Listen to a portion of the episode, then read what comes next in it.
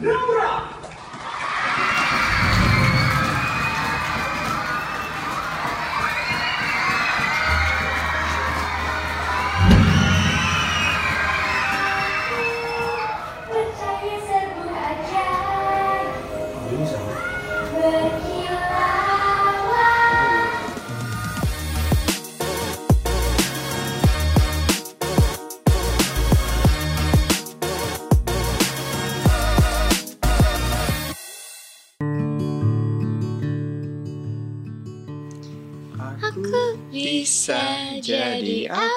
Saja Setinggi langit di angkasa yang tak ada batasnya. batasnya Aku bisa kalau aku mau Cita-cita dan mimpiku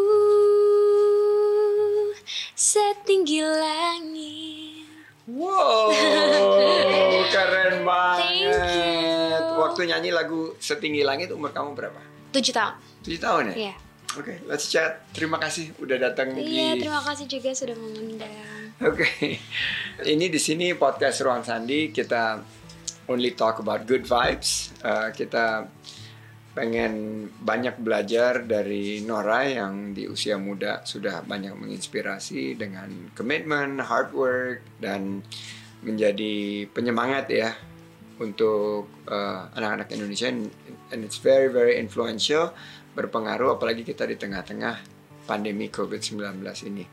Jadi buat Nora sendiri lagu tadi tuh maknanya apa? lagu itu tuh maknanya tuh banyak banget setinggi Hmm. langit itu bukan lagu cuma untuk nge-encourage anak-anak tapi juga untuk semua umur karena aku yakin pasti semua orang selama masih hidup di bumi pasti selalu punya misi Iya. dan em, selalu kasih effort mau besar mau kecil tapi pasti mereka usaha buat menggapai cita-cita mereka so lagu itu bermakna banget buat aku berarti banget juga dan semoga buat yang lain juga Misinya Nora apa nih? Misi aku adalah aku pengen menjadi pengaruh yang baik untuk em, teman-teman seumuran aku dan juga untuk banyak orang dan bisa bagi cerita dengan cara yang baik buat teman-teman semua. Oh keren banget. Ini kalau yang pada denger nih para pemirsa podcast Ruang Sandi, if our young generations punya semangat yang sama, kita punya masa depan yang cerah banget nih. Sekarang em, Nora masih on track untuk menggapai mimpi tersebut. Iya, masih. Are you a tough uh, person on yourself? I cannot say that I'm tough, um, but I will try my best to be tough because there are lots of challenges yang kayak udah aku lewatin kayak I can say kayak jalan yang jalan yang tidak mulus dan menurut aku kalau kita terus usaha semoga hasilnya juga tidak sia-sia. Ya, seorang yang sukses itu nggak ada yang instan. Kesuksesannya pasti harus melewati jalan yang berliku, menanjak, terjal, licin, bebatuan dan lain sebagainya. Dan ini lima tahun pengen jadi penyanyi tapi nggak langsung dibolehin katanya sama mama Iya, ya. Bener ya? bener. Gimana tuh ceritanya? Aku itu suka nyanyi dari tiga tahun, cuman pas umur lima tahun aku pengen banget jadi penyanyi. Mm-mm. Eh, dan saat itu tuh mama tuh belum bolehin aku karena aku masih lima tahun dan resiko sebagai penyanyi itu tuh em, banyak banget kayak kalau secara mental terus eh, apalagi masih kecil kan bisa aja mut-mutan kalau lagi ngantuk kalau lagi rewel tuh nggak bisa tiba-tiba nggak mau nyanyi. Jadi menurut mama tuh masih berat buat apa buat anak umur lima tahun untuk menjadi penyanyi. Karena aku emang bener-bener pengen jadi penyanyi akhirnya aku tunjukin ke mama aku usaha kayak aku emang pengen jadi penyanyi di, di umur aku 7 tahun. Apa tuh yang dikerjain untuk nyakinin mama? jadi aku latihan aku tuh latihan selama 2 tahun aku bener-bener ngeyakinin mama aku kayak aku emang pengen jadi penyanyi terus aku tuh karena aku dulu itu eh, jago kandang jadi eh, jadi juga pasti Please orang explain jago kandang seperti apa? beraninya cuma di rumah doang. Oh, Tapi kalau lagi di luar, terus kalau diliatin sama orang-orang tuh, panggung. iya. Jadi orang tua aku juga sempet nggak yakin mau jadi penyanyi, tapi kalau misalkan malu-malu kayak gitu gimana? Akhirnya aku kayak eh, coba buat kayak nggak malu-malu lagi. Terus aku juga pengen emang pengen banget jadi penyanyi. Akhirnya aku uh, latihan terus. Terus aku juga akhirnya dibolehin sama mama. Hilang akhirnya demam panggungnya? Iya. Gimana cara ngilangin demam panggungnya tuh? Kalau aku sih sebenarnya beraniin diri terus diri. uh, nantang nantangin diri sendiri. Dan nggak boleh takut sih sebenarnya. Terus aku kayak awal-awal tuh emang masih gugup banget kan. Gugup terus um, karena kalau di present Naura kayak gitu kayak Naura aku tuh langsung deg-degan. Jadi kayak aku bener-bener tangannya dingin gitu keringetan. iya iya terus bisa Bener lari ya? bisa kabur. Bisa kabur. Iya. Tuh Sulaiman aku mau ngingetin Sulaiman karena Sulaiman juga demam panggung terus. Setiap kali mau pentas di sekolah kalau di rumah latihannya udah keren banget. Begitu udah mau di present dia langsung freeze gitu loh. Oh. freeze dan sebetulnya ingat-ingat waktu uh, aku kecil juga seperti itu. Uh, ngomong di depan publik itu sangat ya dihindarin ya karena waktu itu nervous tangannya dingin terus gugup dan lain sebagainya. Jadi practice uh, sama terus memberanikan diri ya yes. itu bisa um, bisa menghilangkan demam panggung dan akhirnya mama ngizinin. Iya. Dan waktu itu pas awal jadi penyanyi sempat kaget nggak dengan ternyata dunia hiburan tuh kayak gini gitu. loh. Aku nggak kaget sih karena emang dari awal tuh udah selalu di eh, dikasih advice sama orang tua aku kayak menjadi penyanyi itu tidak gampang. Mm-mm. Eh, bisa ada yang suka bisa ada yang nggak suka. Cuman semakin ke belakang ini tuh karena sekarang mungkin ada social media jadi udah lebih mudah buat orang-orang untuk kayak beropini atau kayak confess perasaan mereka eh, terhadap satu orang ini kalau misalkan mereka nggak suka. Tapi kan cara orang beda-beda. Nah cara-cara itu yang kadang-kadang suka jadi salah dan juga bisa kadang-kadang nyakitin orang lain tanpa mereka tuh sadar kalau misalkan orang yang mereka kenal sebagai penyanyi, sebagai aktor dan lain-lain, sebagai orang yang terkenal tuh juga sebenarnya manusia. Jadi ya nggak kaget sih, cuman memang kayak perasaan-perasaan yang kayak suka kadang-kadang drop itu pasti ada. Ya pasti ada proses ya dan Iya. pertama-tama selalu ada semacam kayak culture shock atau Iya. kayak professional shock tapi pernah nggak ngalamin sesuatu yang bikin drop terus jadi ya kalau down gitu terus gimana caranya bangkit kembali? Aku tuh sering banget ngerasain kayak aku sering banget dapet hate comments, terus juga banyak yang eh, Dibaca gitu satu-satu komen. aku sebenarnya aku sebenarnya nggak terlalu nge, apa mikirin karena aku tahu lebih banyak yang insya Allah lebih banyak yang support ketimbang yang hate tapi kalau misalkan juga udah aku tuh sebenarnya orangnya tuh selama aku bisa lupain ya aku lupain. Cuman kalau misalkan aku pendem terus tuh pasti ada masa-masanya aku drop.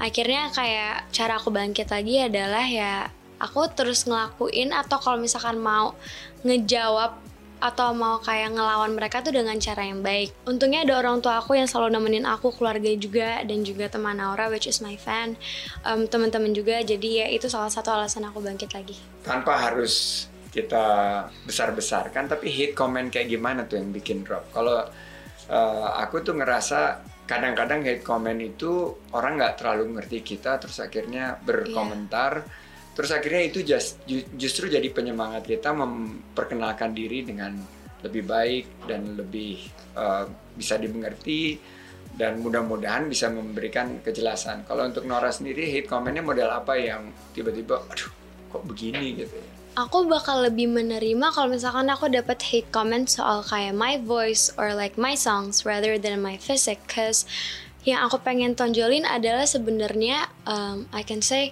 bakat aku, lagu-lagu aku. Cuman aku tuh pengen orang tuh juga kenal aku tuh dengan lagu-lagu aku, bukan karena fisik aku.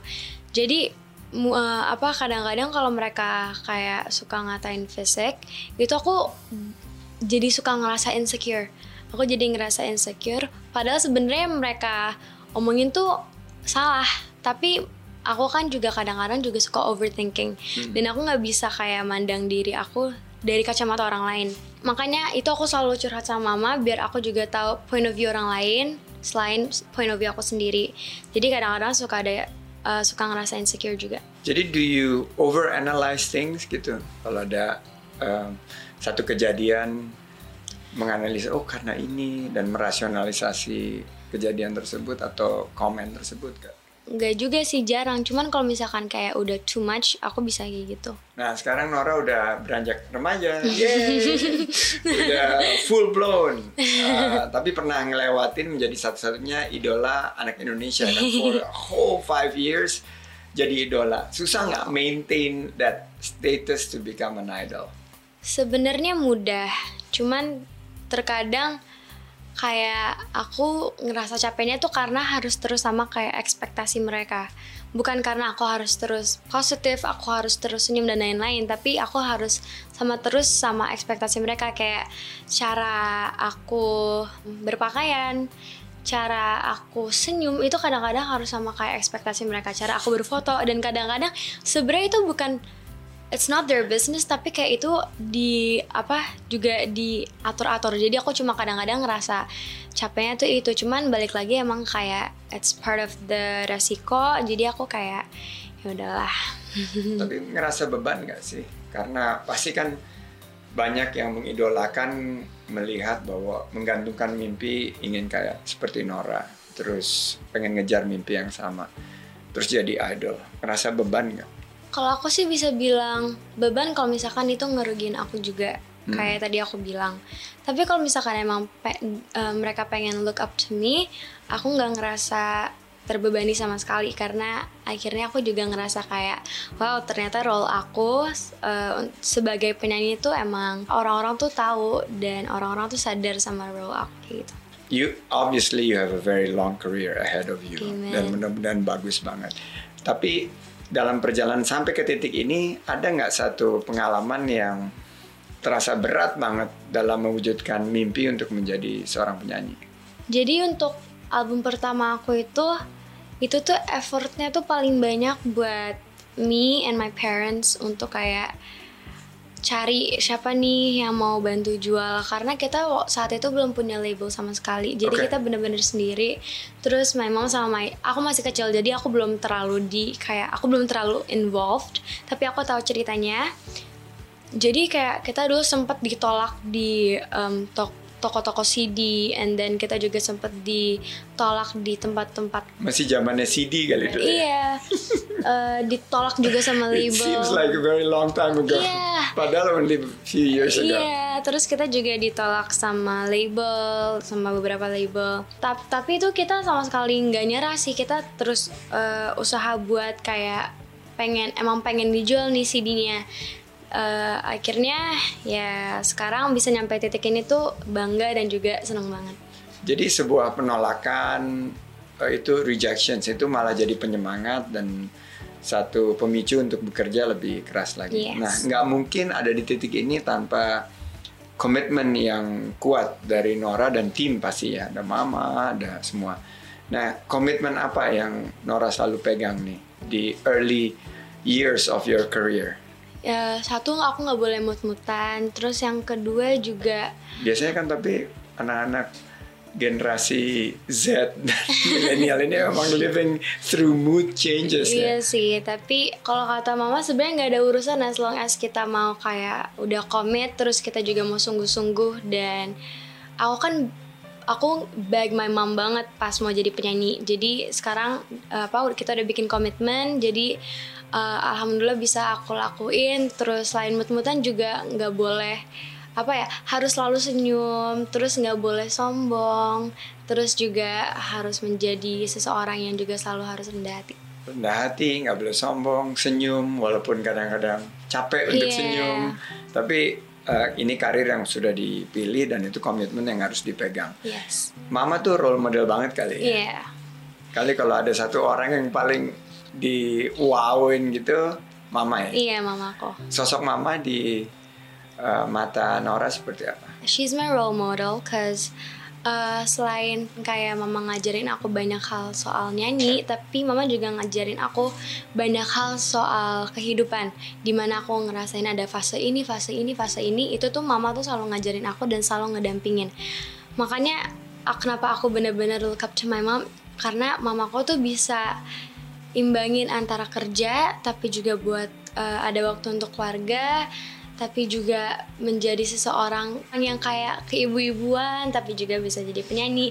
Jadi kadang-kadang aku tuh ngeliat image mama tuh beda-beda. Kalau mama lagi di panggung kalau lagi nyanyi sama aku kalau lagi di rumah itu tuh beda-beda. Dan nih untuk saya juga punya ibu 80 tahun sudah hampir umurnya dan saya juga look up to her. Dan she's actually my biggest role model. Karena udah usia 80 tahun tapi komitmennya luar biasa belajar Zoom ikutan Instagram WhatsApp. Padahal udah udah lanjut usia banget gitu. Nah motivasi motivasi, motivasi dari mama apa yang paling diingat? Eh, motivasi yang paling aku ingat adalah kalau misalkan ada orang yang gak suka harus terus dibalas dengan senyuman biar nanti imbasnya juga em, baik ke kitanya. Yeah, because if somebody throw you negative things, makanya di sini juga good vibes only kan. Iya. Jadi kita pantulinnya harus dengan vibes yang bagus, Iya. vibes yang positif. Karena negatif ditambah uh, positif kan paling tidak hasilnya imbang. Iya. Jadi kita apa yang keluar dari kita itu nggak nggak ikut menambah Yes. uh, pesimisme, nggak nambah keruwetan yang Iya. dunia ini udah cukup ruwet gitu. Iya. Jadi kita bawa suatu hal yang positif. Kita juga akan undang Mama nih ke sini. Tapi gimana sebelum Mama gabung sama kita kita main games dulu karena Oke. kalau di podcast Ruang Sandi there's always games. Wow. Are you excited? Iya. Oke, gamesnya judulnya Siapa Aku. Dan ini tokoh dari dunia dongeng. Oke. Sebelum kita main games, teman-teman jangan lupa subscribe, like, share, and comment podcast Ruang Sandi. Share berita baik ini, good vibes only to all your kerabat. Oke, karena konser Naura kan bernama Dongeng, betul ya? Yes. Dan kita main Siapa Aku, menebak tokoh-tokoh dalam dongeng. Oke. Akan ada yang membacakan deskripsi dari tim, ciri-ciri tokoh dongengnya. Dan kita akan secara rebutan menjawab ya. Udah pasti aku kalah karena ini kan dongengnya dongeng masa kini.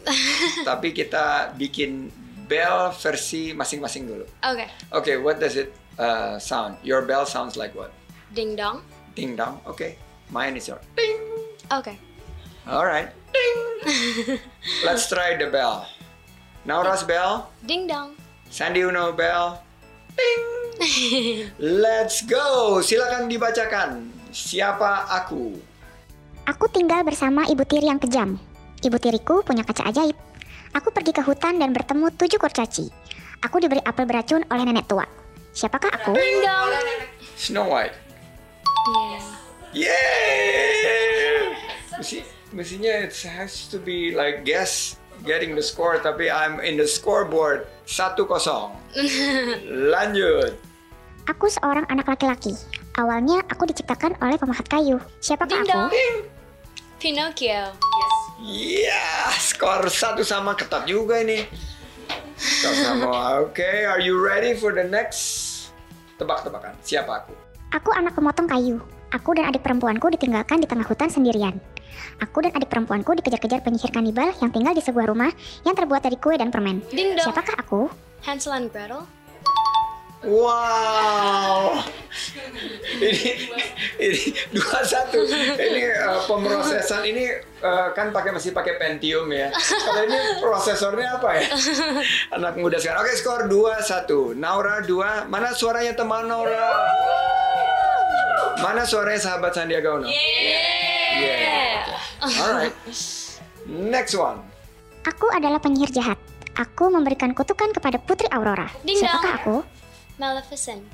Maleficent iya duh itu Angelina Jolie yang hitam-hitam itu aduh lupa aku terdistract nih sama mama nih mama bolak-balik skor 3-1 Aku seorang anak penjahit. Aku ceroboh dan malas bekerja. Aku bertualang dan menemukan lampu ajaib. Dan aku bertemu Putri Jasmine. Siapakah aku? Ding dong. sweet ya kali ya sweet sweetnya uh, paper scissors and rock Oke. tiga kali atau dua kali Um, sekali. oh sekali aja oke Ayo. Rock, paper, scissors, shoot. Rock, paper, scissors, shoot. Yay! Aladdin. Yay! And the score is three and a half to three. Tapi karena always in podcast Ruang Sandi kita hormati tamu kita, apalagi ini Naura yang bakal jadi Indonesia's diva. Jadi aku harus mungkin nanti kan harus bisa negotiate uh, diskonnya dari nanti buat Nora nyanyi. Tapi sekarang aku mau minta Nora nyanyi soundtrack lagu Aladdin. Boleh? Wow, refnya aja ya. Bapak Sandi boleh ikut ya. Boleh tapi kalau aku dari pertama.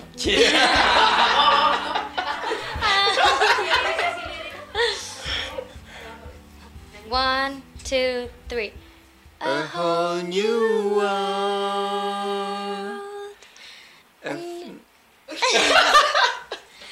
New fantastic point of view. No one could tell us no, or where to go, or say oh, we're only dreaming a whole new world. Don't you dare close your eyes. A hundred thousand things it to gets see. better. I'm like a shooting star. I've come so far. Na na na na. A whole new world with you. Yeah. Yeay! Sekarang kita mau mengundang supporter pertama dan terbesar dari Naura. Yeay! Biggest and first supporter of Naura, Mama Nola. Gimana Ya. kabarnya Mama Nola? Baik dong. Aku manggilnya apa nih? Manggilnya Bang, boleh, Bang, Bang Mas Sandi. boleh. Mas, oke. Saya penggemar beratnya juga Mama dulu. Mama nih dulu. Tapi wow. zaman dulu banget tuh Ebitri kak. Waktu dulu Mama tuh wow, sangat ikonik. Dan, Really? Aku tuh Ebitri seumurannya Naura. Ya, dari dari kita masih ABG. sangat muda dari ABG ya. Tapi sebelum Nora minta jadi penyanyi, pernah nggak sih kepikir bahwa Nora akan ngikutin jejak ibunya dan akan jadi seorang anak yang menekuni karir yang sama dan make it gitu loh. Enggak, sejujurnya. Enggak ya? Enggak, karena Waktu mengandung gitu enggak doanya aduh. enggak sih, enggak. Karena memang aku tipenya orangnya karena aku nyanyi ber- be- bersama dua rekanku. Hmm. Jadi itu kadang-kadang kalau untuk pengen cuti atau Hmm. kepengen apa ya, menentukan jadwal sesuai dengan maunya. Aku tuh mu- enggak mungkin. Karena kita kan cari rezekinya sama-sama ya. Hmm. Iya, betul. Jadi buat aku, aku cuma selalu berdoa kalau aku yakin kalau memang Tuhan kasih aku kemudahan, pasti aku bisa menjalankan semuanya dengan baik. Walaupun Hmm. udah, aku nyanyi itu sampai hmm, tiga hari sebelum melahirkan. Tiga hari sebelum melahirkan. Dia masih pakai heels sambil nari-nari. Karena aku Nggak takut mau, ketuban pecah tuh. Air ketuban. makanya aku yakin. Tapi kalau duduk ini berasa rentah banget kan. Jadi aku nggak mau gitu. Jadi aku pengen nunjukin ke orang, aku nggak mau ngerepotin siapa pun.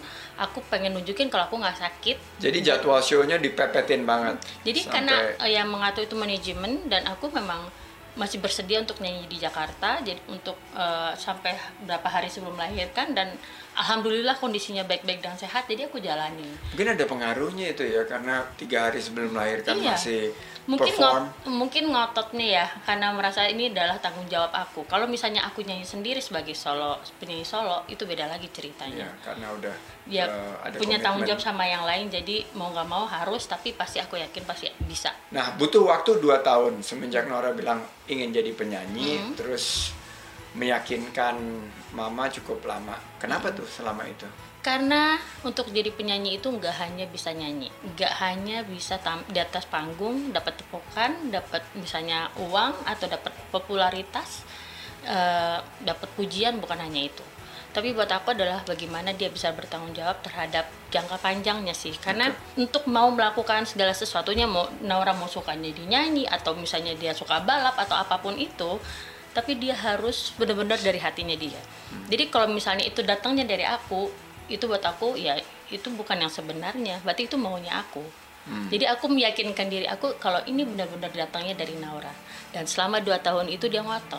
Dari dia belum bisa baca sampai akhirnya dia udah bisa baca di umur 6 tahun dia belajar sendiri semuanya aku nggak ngajarin apa pun dia browsing di dia browsing YouTube eh, dia cari genre apa yang dia suka dia de- dia dengerin lagu apa aku nggak tahu. Tapi maksudnya aku eh, aku cuma arahin la- harus lagu-lagu yang aman. Terus eh, ternyata dia sukanya dia anaknya old soul sekali sukanya tuh lagu-lagu yang tua gitu. Jadi dan klasik. Jadi aku ya masih aman. Akhirnya dua tahun itu dia belajar banyak lagu dia menghafalkan banyak lagu. Dia suka musical dan dia suka me- apa membuktikan ke aku dia suka rekam eh, apa ya vid- dia rekam sendiri video dia nyanyi sambil nari. Aku cuma kasih dia buku sama bangku kamu bisa apa dengan itu? Hmm. aku cuma mancing dia kayak gitu. Apa yang bisa kamu lakukan dengan properti yang aku taruh di situ? Duit. Aku cuma videoin terus dia lagunya aku nggak tahu dia mau bergerak ke mana aku nggak tahu. Jadi aku cuma kayak orang yang ngikutin dia mau ngapain.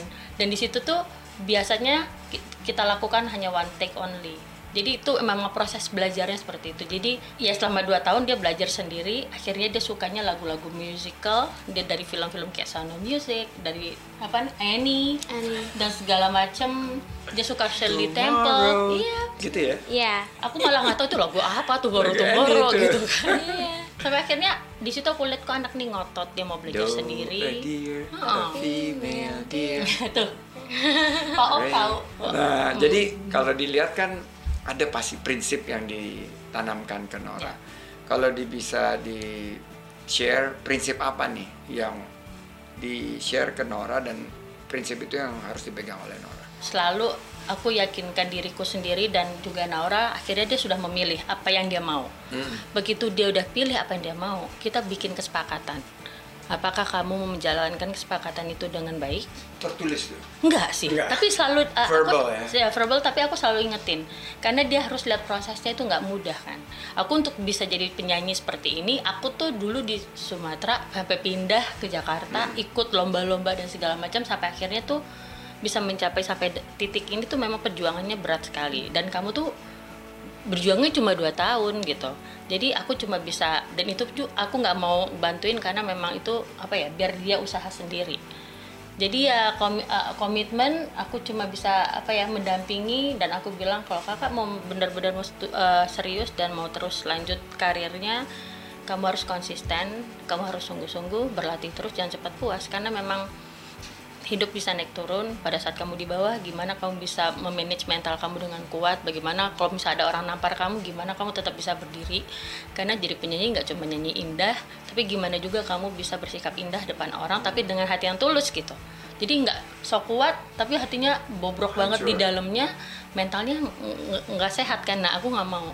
Jadi sebelum dia jadi penyanyi aku mentalnya dulu yang aku gembleng karena itu penting mungkin nggak semua orang tua eh, ini ya maksudnya pengennya jadi penyanyi anak gue nih harus terkenal nih harus jadi penyanyi gini gini. Karena gue juga udah terkenal. Nah, iya atau mungkin bahkan ibunya yang obsesi anaknya pengen jadi penyanyi. Buat aku bukan itu masalahnya. Kalau memang pengen mengarahkan anak ke suatu bidang menurut aku mentalnya dulu. Karena apa pun pekerjaannya pasti ada gemblengan itu pasti ada ada naik turun dan ada rasa kecewa ada rasa kalah menang dan segala macam nah itu yang harus bisa dihadapin sama anak-anak Ngedidiknya disiplin juga ya. Iya. Galak nggak? Mungkin Kok gitu galak, nanyanya kan Enggak. galak, galak. Dan bebas jawabnya di sini. iya Iya. boleh boleh boleh Nanti di rumah tanggung jawab. iya iya Galak kalau misalkan emang akunya ngelakuin kesalahan. Cuman kalau misalkan lagi apa, kalau lagi kasih advice gitu-gitu, pasti caranya enak. Caranya enak, tapi juga tetap tegas tanpa harus kayak marah-marah gitu. Tapi kalau aku emang lagi buat kesalahan, terus kayak punya pendapat sendiri sendiri terus sok tahu ya galak. Ada nggak rasa sebagai seorang ibu gitu pengen melindungi gitu, to protect, terus jangan sampai tersakiti gitu, jangan sampai image-nya rusak. oh pasti Pasti. pasti ada tapi itu nggak mungkin kan nggak mungkin kita uh, bisa uh, apa ya rangkul terus anaknya 24 jam Uh, kadang-kadang dari orang tuanya udah uh, support banget orang tua udah menguatkan sekali tapi bisa-bisa kecewa itu datang dari luar Apa resiko yang paling gede nih yang di uh, biggest nightmare buat Mama Nola? dengan image yang sudah terbentuk dari Naura yang memang secara pribadi kan memang maunya natural berjalannya Natural. dia tumbuh Mengalir natural aja ya. mengalir semuanya tinggal dijaga alhamdulillah dia mengalirnya seperti ini gitu dan cuma paling orang tua aku cuma bisa ngarahin kayak gini kayak gini kayak gini dan kebetulan secara karakter anaknya seperti itu yang aku takutkan adalah memang dia salah pergaulan Oke. pada saat ini masa usia transisi umur 15 udah SMA kalau misalnya kalau zaman dulu kan kita ada istilah gak boleh milih teman kan Iya nggak boleh lah. Gak boleh milih teman, harus Nggak berteman boleh. dengan siapa Berteman saja. sama semua. Kok sekarang nggak bisa? Harus ya. Kita harus pilih teman sekarang. Dan memang itulah yang diajarkan oleh orang-orang sukses sekarang bahwa kalau kita ingin sukses bertemannya sama orang-orang yang sukses sukses. Iya, Kalau orang yang ingin positif, temennya sama orang-orangnya. positif. positif Makanya aku bilang ke anak-anak zaman sekarang kadang-kadang untuk menjadi yang buruk atau bandel itu keren. Mm-mm. Itu ya mungkin itu pilihan se- eh, sebagian orang, tapi buat aku mungkin aku bisa dibilang orang tua yang kayaknya pengen tahu gitu. Apa sih di sekitarnya anakku gimana sih karena aku cuma bilang eh, apa yang sudah kamu jalani sampai sejauh ini itu tuh bermanfaat untuk diri kamu dan orang Iya. banyak. Jangan sampai dirusak untuk dengan hal-hal yang gak penting, jangan Iya. dirusak sama hal-hal yang hal kecil tapi bisa apa m- meruntuhkan semua perasaan kamu dan orang Iya. banyak apalagi fansnya. Jadi segala sesuatu lebih dipikirin, Iya. lebih uh, wise dalam bertindak karena tetap harus ada ruang privasinya dia yang harus aku beri nggak harus nggak bisa aku 24 jam pengen tahu semua urusannya dia no tapi uh, untuk ngasih tahu anak kan harus berkali-kali kan Ya. untuk ngajarin anak tuh kan harus kayak ada ajarin dia nyanyi pasti kan nggak mungkin sekali denger langsung hafal Ya. tapi kan dia harus berkali berkali berkali biar dia ngerti dan dia hafal lagu itu Betul. jadi seperti itu juga sih buat aku orang tua tuh harus kayak gitu tapi kan kalau misalkan mau ngeben eh, waktu bersama keluarga itu kan eh, impactnya kan besar banget ke anak-anak jadi kayak kita sebagai anak tuh bisa ng- emang bener-bener ngerasa kayak udah tahu mana yang baik mana yang enggak dan waktu bersama orang tua tuh pasti itu lebih eh, berarti banget buat kita dan aku mau nanya sama mm, Bapak Sandi kan um, you're pretty busy kan you're super busy but you I have was, three yes. kids I have three kids. Yeah. And how do you spare your time with your kids and your family, terus sama your, apa kerjaan juga? First of all, we only have 24 hours a day.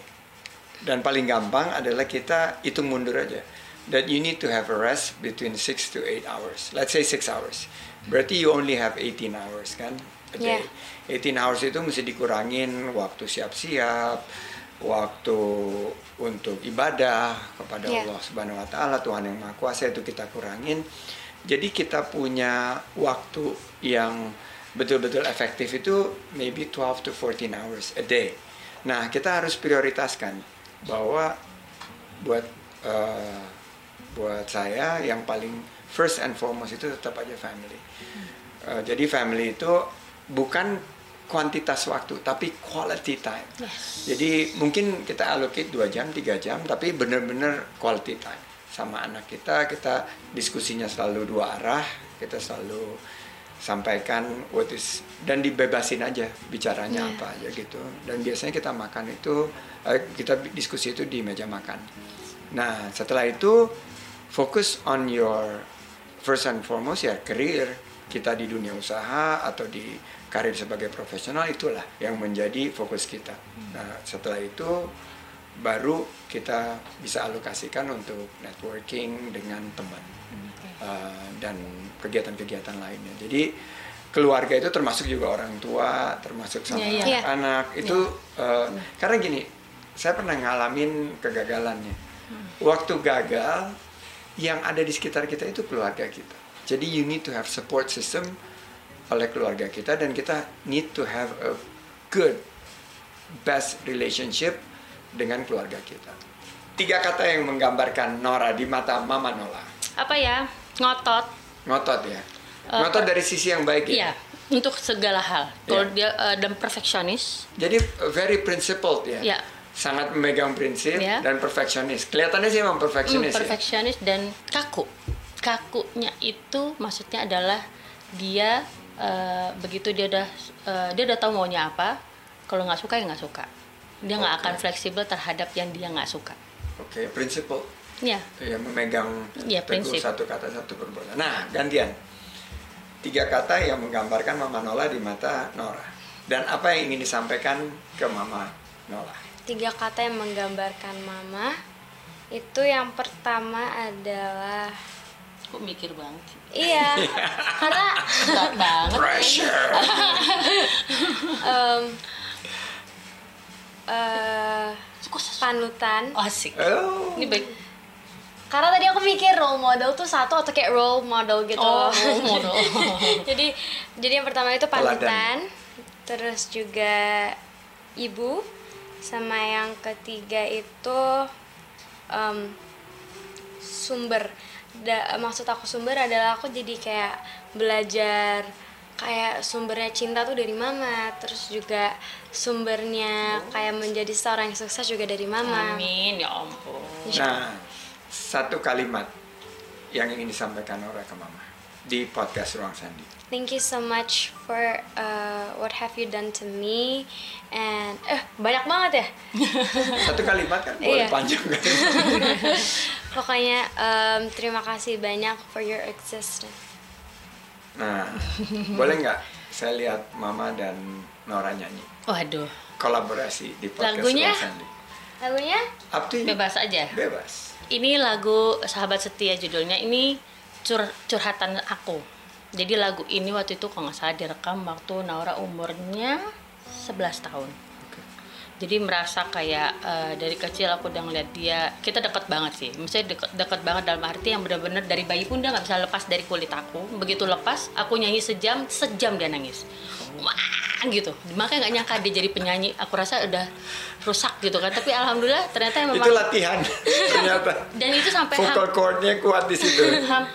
satu setengah tahun dia seperti itu baru berhenti jadi akhirnya memang terasa deket banget bondingnya terus makin lama aku ngeliat dia ber- berj- eh, ber- secara berjalan berkarir dan segala macam aku ngeliat anaknya juga sangat dewasa terus merasa kok cepet banget momennya hilang gitu loh. Jadi aku minta lagu ini eh, eh, diciptakan oleh sahabat aku Mala dan Tantra. Eh, ini setiap kalau nyanyi lagu ini tuh nggak boleh ngeliat dia jadi suka kadang-kadang suka mewek. Suka nangis. Misty Eyes. Oke. Oke. Ceritakan keluh kesahmu, sedih gembiramu cinta di antara kita berdua apa pun yang akan terjadi sampai hari nanti kau sahabat setia. Wow, Keren. Oke, last before closing, sekarang Nora sudah remaja. Nora 10 tahun lagi dibayangin Mama Nola seperti apa nih? Kalau di bayangan aku, keinginan aku sih Naura eh, bertumbuh jadi wanita dewasa yang tough. Jadi wanita yang benar-benar apa ya bisa eh, positif dan bisa juga bermanfaat untuk orang banyak.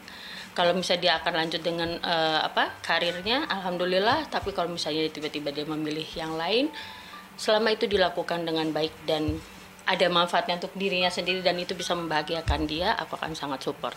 Dan mungkin juga sudah berkeluarga mungkin, nggak tahu ya. Tapi eh, Sekarang trennya kawin muda. kan? maksudnya yang penting apa pun yang dijalankan di nanti usia 25, yang penting Naura udah lebih matang secara pribadi dan eh, semuanya.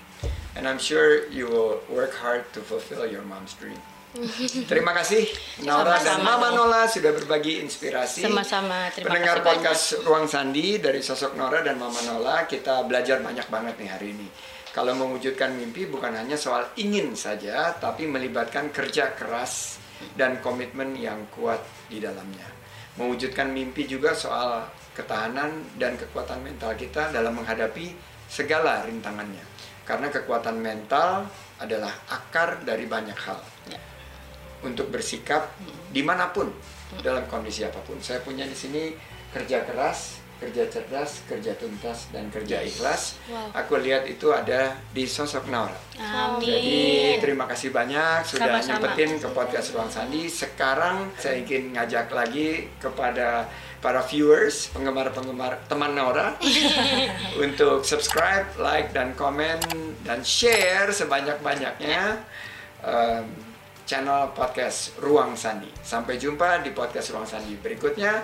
Sekarang kita foto-foto. Wow. Terima kasih. Thank you.